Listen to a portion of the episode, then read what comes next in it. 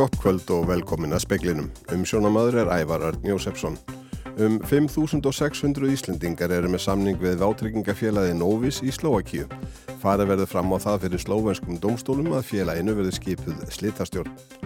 Kunnuleg staða er komin upp í strandveiðum og útlitt fyrir að leifilegur heildarafli dugi ekki til að ljúka tímabilinu. Reyna átti þrautar að ná samkómanlægi um samræmda stefnu Európusambandsins í málefnum hælisleitenda á fundi dómsmála og innaríkisar á þeirra sambandsins. Fossetti ASI segir af og frá að verkefnisreifingin sé ábyrg fyrir mikillir verðbólgu og vísar gaggrinni sælabankastjóra til föðurhúsana. Börni í brúar á skóla sem töpuðu næstum 700.000 krónar ferðarsjóði þegar næsi er hætti starfsemi fengu óvænta styrki og skadan bættan að mestu. Hamfara hlínun jarðar er mesta óg sem stæðjað hefur á mankininu og brínt að grípa til skjótra og rótagra aðgerða til að hamla gegninni. Þetta segir formaður fyrir að lækna gegn umhverjusvá og reykjarmengun frá skóareldum í Kanada veldur margvíslegum erfileikum vestanhafs. Þeir brenna á yfir 400 stöðum. Sæðlabanki Slovakíu ætlar að leggja fram beðinni fyrir þarlendum dómstólum um að skipu verði slítastjórn yfir vátryggingafélaginu Nóvis. Nokkur þúsund manns hér á landi eru í viðskiptum við Nóvis. Nóvis er vátryggingafélag sem stopna var í Slovakíu árið 2014 og selur svo kallar spartnaðar líftryggingar. Þá greiða viðskiptavinni mánadarlega ákveðna uppæð til félagsins. Hluti greiðslunar er fyrir líftryggingu en hluti fyrir spartnað og þetta hlutfall er valkvætt. Sankvæmt upplýsingum vátryggingamidlara sem hefur haft milligöngu um sölu á nóistryggingum hér á landi eru virkir samningar á Íslandi um 5.600.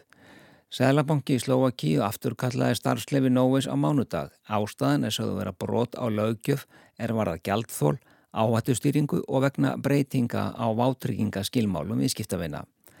Sælabanki Íslands sendi frá sér tilkynningu í dag þar sem fram kemur að afturköllun starfsleifis Nóis ein og sér hafi ekki áhrif á gildi núgildandi vátryggingasamninga eða vátryggingavend á grundvelli þeirra. Vátryggingasamninga Nóis og vátryggingavend á grundvelli þeirra er því óbreytt þrátt fyrir ofangreint að svo stöttu. Það sem gerist næst er að Sælabanki Slovakíu leggur fram beðinni fyrir þarlendum domstól um að skipuð verði slítastjórn yfir nóis. Væntanlegur slítastjóri hefur samband við vátryggingataka. Sælabankin bendir vátryggingatökum á að hafa samband við þann vátryggingamidlara hér á landi sem kom samningi á til að fá nánari upplýsingar um samningin og viðegandi skilmóla. Benedikt Síðursson sæði frá. Kunnuleg staða er komin upp í strandveiðum og útlitt fyrir að leifilegur heldarafli dugi ekki til að ljúka tímabilinu. Talsmaður smábáta eigenda segir allt mæla með því að aukið verði við kvótan. Þeirra vildi gera breytingar á fyrirkomalagi strandveiða í sumar en laga frumvarpar á þeirra fer ekki í gegnum þingi úr þessu og því ljósta veiðarnar verða með óbreyttu sniði frá síðasta ári. Það hefur þær alvarlega afleðingar að menn fá ekki að eh, njóta þessu veiðilegu sem þeir hafa borgað fyrir að veiða út allan tíman. Segir Örd Pálsson framkvæmtastjóri landsamband smábóta eiganda. Þarna vísar hann til þess að eftir aðeins 20 veiðita á strandveðum þykir ljóst að veiðiheimildir dugi ekki út ágúst. Þegar er búið að veiða um 46% af heimildunum. Í lögum um strandveðar segir að fiskistofu beri að stöðva veiðarnar þegar heldaraflaði náð. Landsambandi laði til að þessu eru breytt og þessi skilda tekin út eða þá að ráð þeirra verði heimilt að stöðva veiðar og meta stöðuna um leið.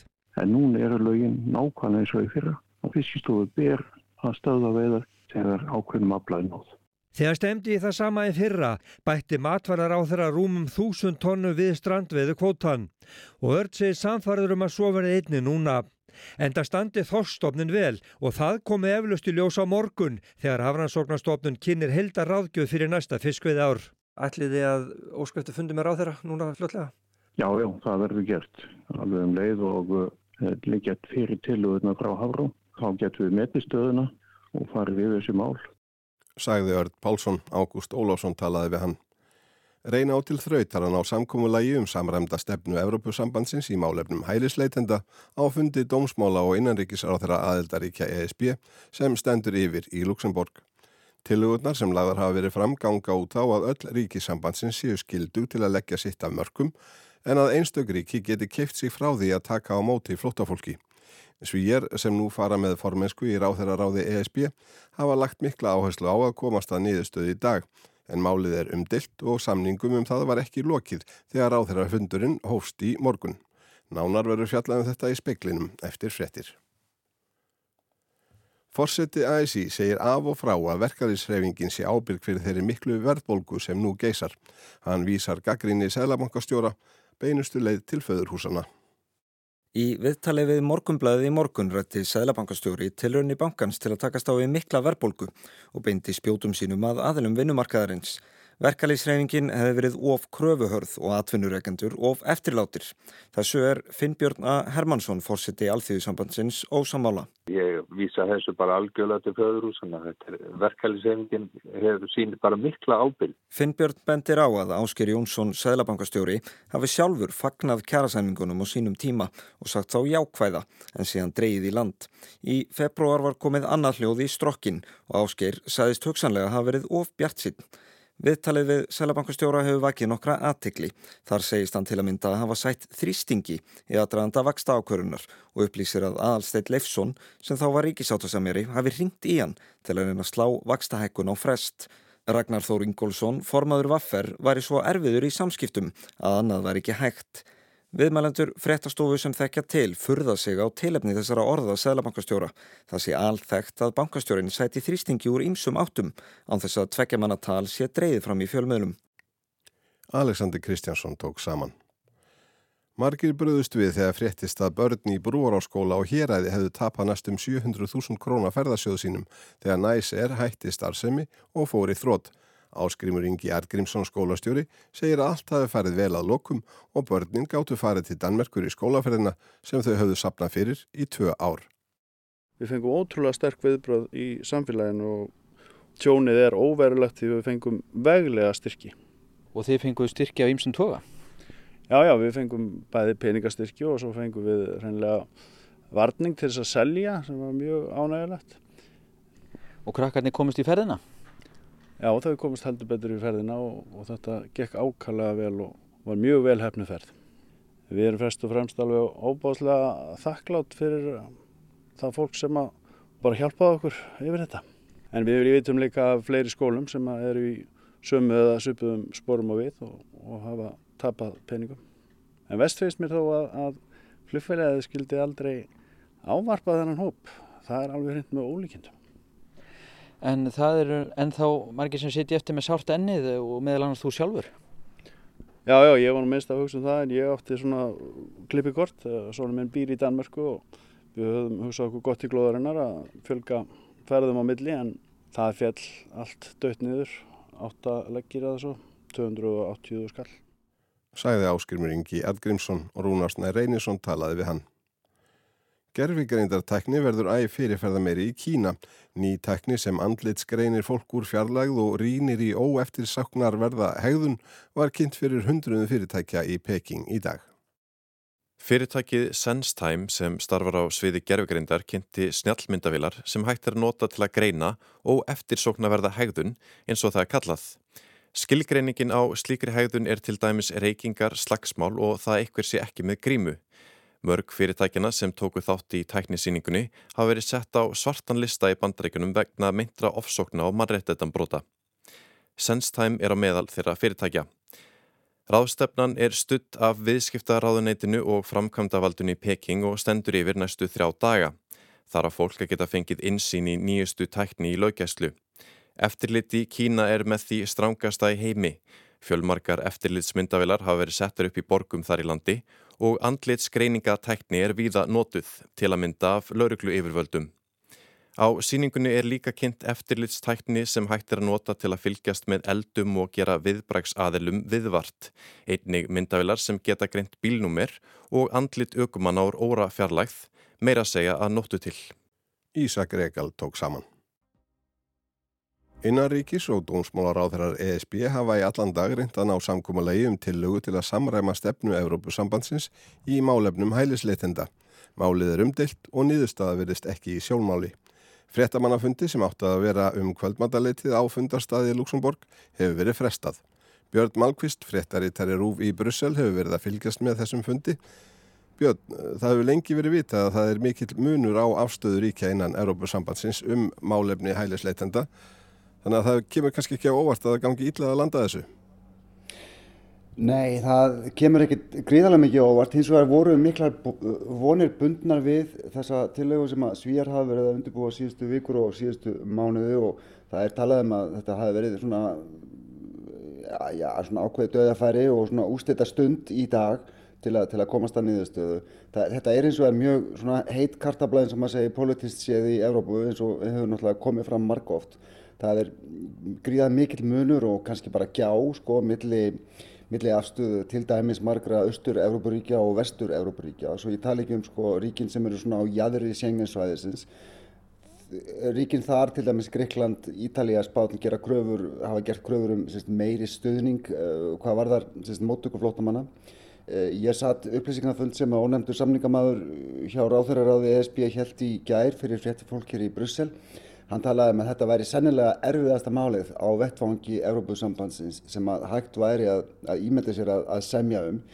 Hann nefndi það hins vegar líka að það er meiri stöðninga núna en, en, en ofta áður við við það að koma á lækirnar samræmdri stefnu Európusambandsins og vísaði þar í mitt í sko, svona, þann fjölda flótafólks sem hefur komið frá Úkrænu síðustu missinni síðan að rúsar riðust þarinn í, í februari fyrra. Hluti af lausninni á að vera mögulega að einstakur ríki geti greitt fyrir að taka ekki á móti flótafólki. Hvernig á það að virka? Sko það hefur verið að tala um í rauninu tvo stóra pakka eh, sem að, sem að snúa að málöfnum hælis leitenda, annars vegar svona meðferðera á ytri landamærum Sjengensvæðisins og síðan um fyrirkomulæðið milli ríkjana, hvernig þau vinna saman. Eh, þetta, þessi hugmynd hefur verið í umræðinu síðustu daga og það er talað um að, að, að, að sagt, ríki sem að vilja ekki taka á móti flótafólki, þau geti keft sig frá því að gera það. Og uh, það sem að núna hefur verið talað um að, að er að þau borgi sem er nefnir sko 20.000 eurum eða 3 miljónum króna sem að sérst, fyrir hvern hælist leitanda sem þau taka ekki á móti. Uh, en sérst, almennt séð myndu aðildaríkin hafa þrjá valkosti að, að, að taka á móti hælist leitandum eða borga fyrir kostnæðin af því að flytja þá tilbaka þá sem er hafnað eða þá að leggja fjármagn í þann kostnæð sem fylgir því að taka á móti og, og hýsa síst fólk sem er í leiti að hæli. Það er greinlega erfitt að ná samkominlegi. Eru einhverjar líkur á að það náist samstað allra þessar ríkja í kvöld eða bara yfir höfuð? Eh, já, sko það var talað um svona 50-50 möguleikana í morgun. Uh, ég held að það hefði verið svolítið bjart sínt. Jafnvel þótt að svíjar sem að núna fara með sérst forminsku í ráþæraráðun og eru þess vegna að stýra þessum viðræðum hafi verið bjart sínir og brattir bæði í, í, í gær og í, í dag.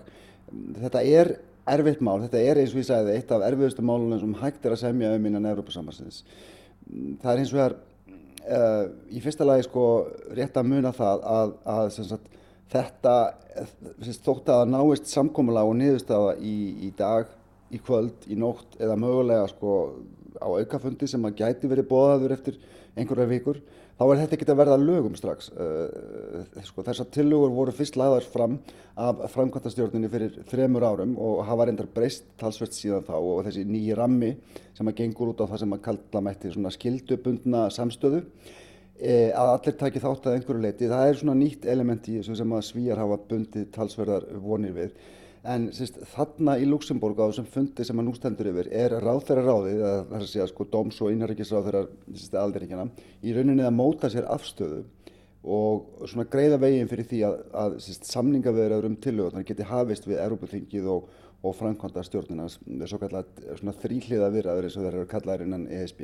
Þetta er svona eðlilegt ferli á lögjöf innan Evrópusambandsins að því loknu verður hægt að tala um að þetta verði að lögum eða reglugerðum og það er því fyrsta lagi á næsta ári þá er eins og er rétt að hafa í huga að það eru kostningar til Evrópuþingsins sem geti líka að flekta þetta því að málefni hælisleitanda eru þetta mjög heitt kostningamál hvað sem er. Mitt hvað með Ísland og hælisleitendu sem hinga koma, myndi þessi nýja stefna ef hún verður samþýtt snerta okkur að einhverju leiti? Ísland er ju í Schengen og hluti af EES? Já, það er rétt. Uh, sko, mögulega suma af þessum ákvæðum sem að gætu orðið til veist, í framtíðinni ef við verðum einhver tíman að sko, reglugjörð þar er séð þau, sko, þau ákvæði sem að, sem að varða Schengen eða Dublin samningana sem við erum að sjálfsögðu skuldmutin að, að fara ekki sérst eftir en ekki hvað var þess að samílu ábyrðu og þáttöku í kostnaði sem ég nefndi. Eh, svo má líka að nefna að þessi málefni eru í rauninni ekki hluti af samningnum um erósku efnaðsvæði þannig að reglugerðir verð ekki teknar upp eins og við, eins og við gerum venjulega með mál sem eru EES-tæk eins og það heitir. Til dæmis, ég var að segja bankoþjónusta eða losunarheimildir í, í flugurækstri svo nýlegt dæmi sé tekið. Akkurat, við höfumst ekki en, en, sest, um, Er eitthvað meira, við verðum eiginlega hætta núna? Já, ekkert mál, en eh, sagt, uh, sko kannski bara lókum að segja að að, sérst, að við höfum náttúrulega litið til, til sko, útlendingalaga í Evrópu þegar við höfum verið að taka upp uh, og móta lög í þessum málum hér og það er hins vegar politísk spurning sem verður að svara setna.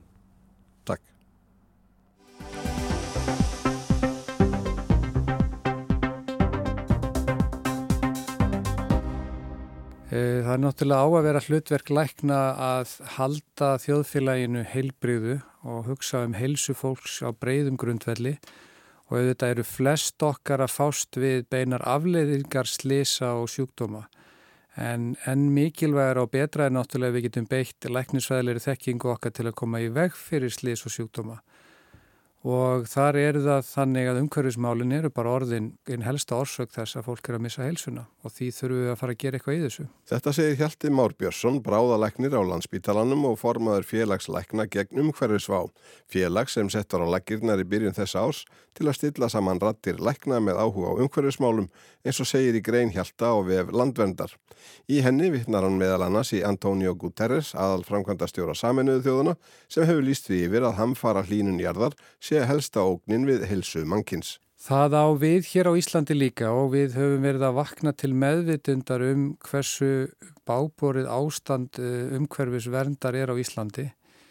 Eh, við erum kannski ekki ennþá farin að fást við fæðuskort og þurka og miklar farsóttir eins og þegar er orðin uh, raunveruleikin í er, Erlendis en við höfum mjög miklar áhyggjur af eiturefni í umhverfinu, loftmengunna er skadalegu mörgum á Íslandi, uh, plastmengun er gríðalegt vandamál og síðan má ekki gleyma líka bara almenna hnignun lífríkisinn sem við erum að horfa á í kringum okkur.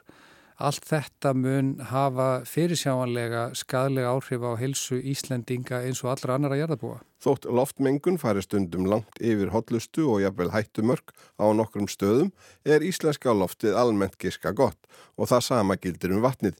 Ekki brennum við kólum eða olju til að kinda hýpilu okkar og hér eru ríkulegar uppsprettur af reynu vatni, þurkar fátíðir og flóð sem betur fer líka, þótt ekki skorti í rikninguna. Aðspurður á hvaða sviðum við þurfum helst að taka okkur á, segir Hjalti þann lista langan. Loftgæði í Reykjavík eru kannski svipuð eins og í stórborginni Kaupmannahöfn. Þar sem að fólk býr mun þjættar og það blæs mun minna. En þrátt fyrir að okkur sé gefið þetta í forgjöf varandi loftgæðin þá tekst okkur að menga svona mikið. Við notum bílana meira en nokkur önnur Evrópuborg gerir og það er sláandi að stór hluti af þeim sem að nota bílin myndu kjósa að gera það ekki en neyðast til þess að gera það vegna borgarskipulagsins og fólk hefur vilja halda í þá svona ránkugmynd að, að sko rafbílar séu einhver alls er að lausn á loftgæðamálunum en það gleymist að loftgæðin eru að skerðast að mjög miklu leiti í dag út frá dekjarkurli, malbyggskurli sem að þyrlast upp í mjög fíngert rík, berst ofan í lungu og inn í líkama okkar allra. Loftmengun veldur heilablóðföllum, hjartaáföllum og það er áætlað að loftmengun á höfuborgarsvæðinu sé í þeim gildum að það valdi tögum döðsfalla á hverju ári. Hver áætlað það? Það er alltaf áætlað í erlendum rannsóknum sem að ég get ví, vísað til og bent þeim sem hefur áhuga á. En þetta er orðið skýr niðurstaða vísindana loftmengun á höfuborgarsvæðinu nær þeim gildum að íbúanir er að verða fyrir heilsutjóni og hér verður við sem samfélagsfólitið að spurja okkur uh, hvort að það sé ekki skilurlaus réttur allra að anda þessi hreinu lofti og fólk á ekki að hafa heimil til þess að menga loft samborgara sinna að óþörfu.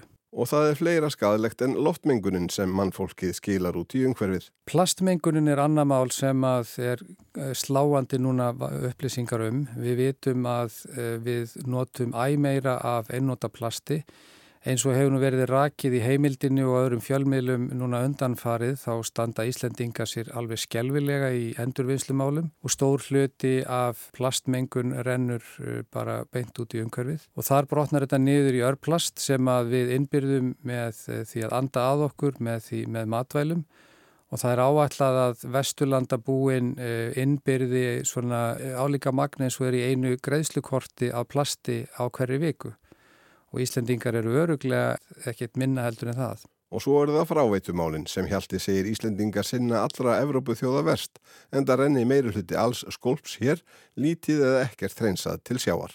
Og fólk heldur ofta að í skolpi sé þetta aðalega bara kúkur og piss en það er því miður mikið af plastmengun og skadlegum livjaleifum og öðrum efnum sem berast með skolpinu og við gerum ekkert til þess að uh, hreinsa þetta að viti. Það hefur verið setta reglur en þeim er bara ekki framfyllt og við erum alveg skjelvilegir trassar í þessum málum. Hjalti segir yfirstandandi hlínun jarðar af mannavöldum. Það sé vísindaleg staðrend sem ekki þurfi að ræða lengur. Þessi stað þurfi að grípa til tafarlösa aðgerða ef forða eigi mannkininu frá mestu hörmungum sem yfir það hafa dönið. Í greinsinni á veflandverndar segir hann það álit margra lækna að ef lífríki jarðar væri sjúklingur er því hann metinn í bráðri lífshættu myndi þurfa róttakar aðgerir með innlögn á gjörgeslu í afeitrun og kröftu að meðferð. En í hverju ætti svo meðferð að felast? Númer eitt er að við öll horfumst í augum við vandan. Almenningur, fyrirtæki, stjórnvöld að lýsa yfir neyðar ástandi og við áttum okkur á því hvað er að gerast. Hættum að rýfast um það að þetta sé vandamálið að komi frávarpa og einhver annar sé að menga mikið. Síðan þurfum við öll að taka á rótækt í því hvað við gerum. Við getum öll keirt aðeins minna bílin okkar, við getum öll borðað aðeins minna af kjöti og mjölkurvörum, við getum öll bætt okkur í endurvinnslu.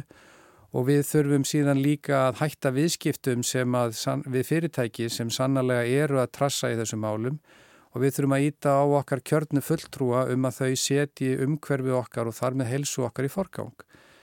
Það er ekkert gert að viti til þess að draga úr akstri á Íslandi á bílum. Það er ekki næri nóg gert til þess að ebla uh, hérna, almenningssamgöngur. Það er lítið sem ekkert gert til þess að niður greiða uh, vistvæna matvælaframleðslu. Heldur fer mest allur ofinber stuðningur við uh, matvælaðinaðin í kjöt- og mjölkuframleðslu sem hefur mjög mikið kólefnisbor en það er ekkert gert til þess að takmarka flög til og frá landinu. Og það sem að mér þykir eiginlega vest er að Íslands stjórnvöld hafa ekki lift litla fingri til þess að eh, fylla í þá skurði sem hafa verið mókaði til óþurftar á Íslandi. Það er búið að ræsa fram meiri hlutan af öllu votlendi á Íslandi. Frá því losnar meiri e, eh, gróðursa lofttegundir heldur en frá öllum okkar annari inn yðju Samt er ekkert búið að gera og það er ennþá verið að grafa skurði og verið að auka losun að gróðrúsa lofttegunda frá votlendi. Þetta blasir við en það bara er ekkert gert. Það er verið að ræða einhverja smá plástra eins og gagslaust upplaup uh, umhverfisráð þeirra sem ákvaða að gefa uh, bílalegum miljard til þess að kaupa ramagsbíla og með því hefur náttúrulega eh, verið að, er verið að niðugreiða ramagsbíla fyrir erlenda ferðamenn og að mínum að þið hefði sennilega verið hægt að ná söm, sama árangri varðandi mingun á uh, eh, kólefnisspori axtursferðamanna með því að bara setja reglugerð um uh, hvaða bílar væru á þessu legum.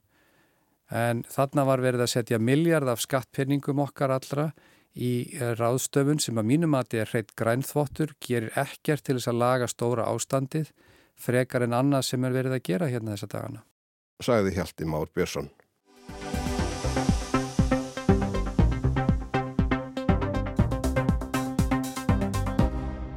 Við vörun vegna loftmengunar er í gildi í 20 ríkjum í bandaríkjónum, allt frá Missouri í vestri til Massachusetts í austri og Virginíu í suðri. Hún hefur í dag verið einna svæstnust í Fíladelfíu í Pennsylvaníu. Menguninni valda 100 gróður og skóarelda í Kanada, engum í Quebec. Yfirvöldin og Jörgaríki vöruði í gær börn, eldri borgara og fólk með asma og aðra króniska sjúkdóma við því að vera á ferli utan dýra. Í gerðkvöld var enn hert á viðvörunum.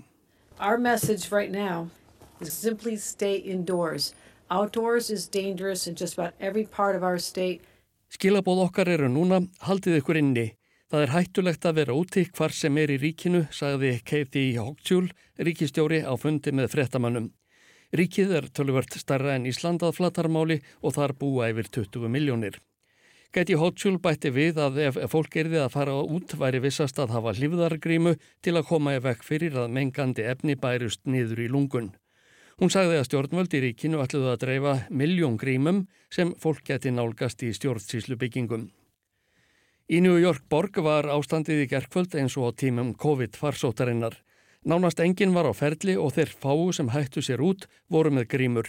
Eitt þeirra var Gustavo Etche, sendill sem fór um á mótorhjóli. Hann saðist verða að vinna. A lot of workers, they have family, they have to bring money home. So it's not that easy to say like, to the workers, hey, don't work, they stay home. Margir vinnandi menn eiga fjölskyldur og þeir þurfa að afla tekna. Þess vegna þýðir ekkert að segja að við eigum að halda okkur heima, saði Gustavo Etche. Hann bætti við að það væri meira en nóg að gera við að sendast með mat til fólks sem ekki vildi fara út vegna mengunar brælunar. Hann sagði að ástandið væri slemt og að hann fengi höfðverk ef hann væri lengi úti undir beru lofti. Vegna mengunarinnar var tveimur hafnarboltaleikjum aflýst í New York í bjarkvöld og þremur leiksýningum á Broadway. Breska leikonan Jodie Comer varð að fara af sviði eftir örfári mínútur þegar hann hugðist leika einleikin Prima Facie á Broadway. Hún sagðist ekki geta andað lengur og yrði að hætta. Forfallaleikonan eða Dani Arlington hljópi skarðið og leik einn leikinn til enda, eina og halva klukkustund við mikinn fögnuð á horfenda. Erik Adams, borgarstjóri í New York, sagði í gær að ástandið í lofslagsmálum í borginni var í þið versta síðan á sjöunda áratug síðustu aldar. Hann sagði að útlitt væri fyrir að það ætti eftir að skána lítilega en versna svo aftur. It is difficult to predict the movement of this smoke This is an unpredictable series of events, and we cannot provide guidance more than a day in advance at this point. Það er erfitt að sjá fyrir hvert er einhverjum berst. Eins og sækir standa getum við ekki gefið út leðbeiningar nema eitt sólarring fram í tíman, sagði borgarstjórin. Hann ráðlagði fólki að halda sig heima og nota grímu ef það þyrti að fara út. Best væri að forðast áreinslu. Við þessar aðstæður væri ekki rétti tíminn til að æfa sig fyrir næsta marathónhlaup eða viðra sig með börnunum. This is not the day to train for a marathon or to do an outside event with your children. Stay inside, close windows and doors and use air purifiers if you have them. Verum heima, lokum dyrum og glukkum og notum loftreynsitæki ef þau eru fyrir hendi, sagði Erik Adams, borgarstjóri. Vegna mengunarinnar og lélegs skegnis var 161 flugferð aflýst í bandaríkjónum í gær. Brottför senkaði í yfir 5.000 tilfellum. Nokkur tröflun hefur verið í dag meðal annars á Newark flugvelli í New Jersey og LaGuardia í New York. Á alþjóðaflugvellinum í Philadelphia var brottför allra flugvela frestað fram eftir degi. Þar er mengunin einna mest eins og sakir standa. Bandaríska loftverð eftirlitið FAA tilkynnti á Twitter að búast mætti við töfum í allan dag. Í Kanada er ástandið vitaskuld einnig erfitt. Yfir 20.000 manns hafa orðið að forða sér að heimann vegna eldana. Í morgun brunnu þeir á yfir 400 stöðum. Af þeim réðu slökkvilismenn ekkert við 236. Stjórnvöld í Ottawa áætla að loftmengunin geri um það byrj 100 miljónum lífið leitt í Kanada og Bandaríkjónum þessa stundina. Bandaríkja stjórn ætlar að senda 600 slökkvilismenn til Kanada til að berjast við eldana. Evrópusambands þjóðir, þar á meðal frakkar, spánverjar og portugalar, bjóðast til að senda 280 manns og fleiri af þarf krefur. 200 suður afrískir slökkvilismenn komu til Kanada um síðustu helgi og ástralar og nýsjálendingar sendu 200 fyrir síðustu mánadamót. Áskei Tómasson saði frá. Fleira er ekki í speklinunni kvöld. Tæknum að það var Magnús Þorsteit Magnússon. Frétta útsendingu stjórnaði Margret Júlia Engimarsdóttir. Veriði sæl.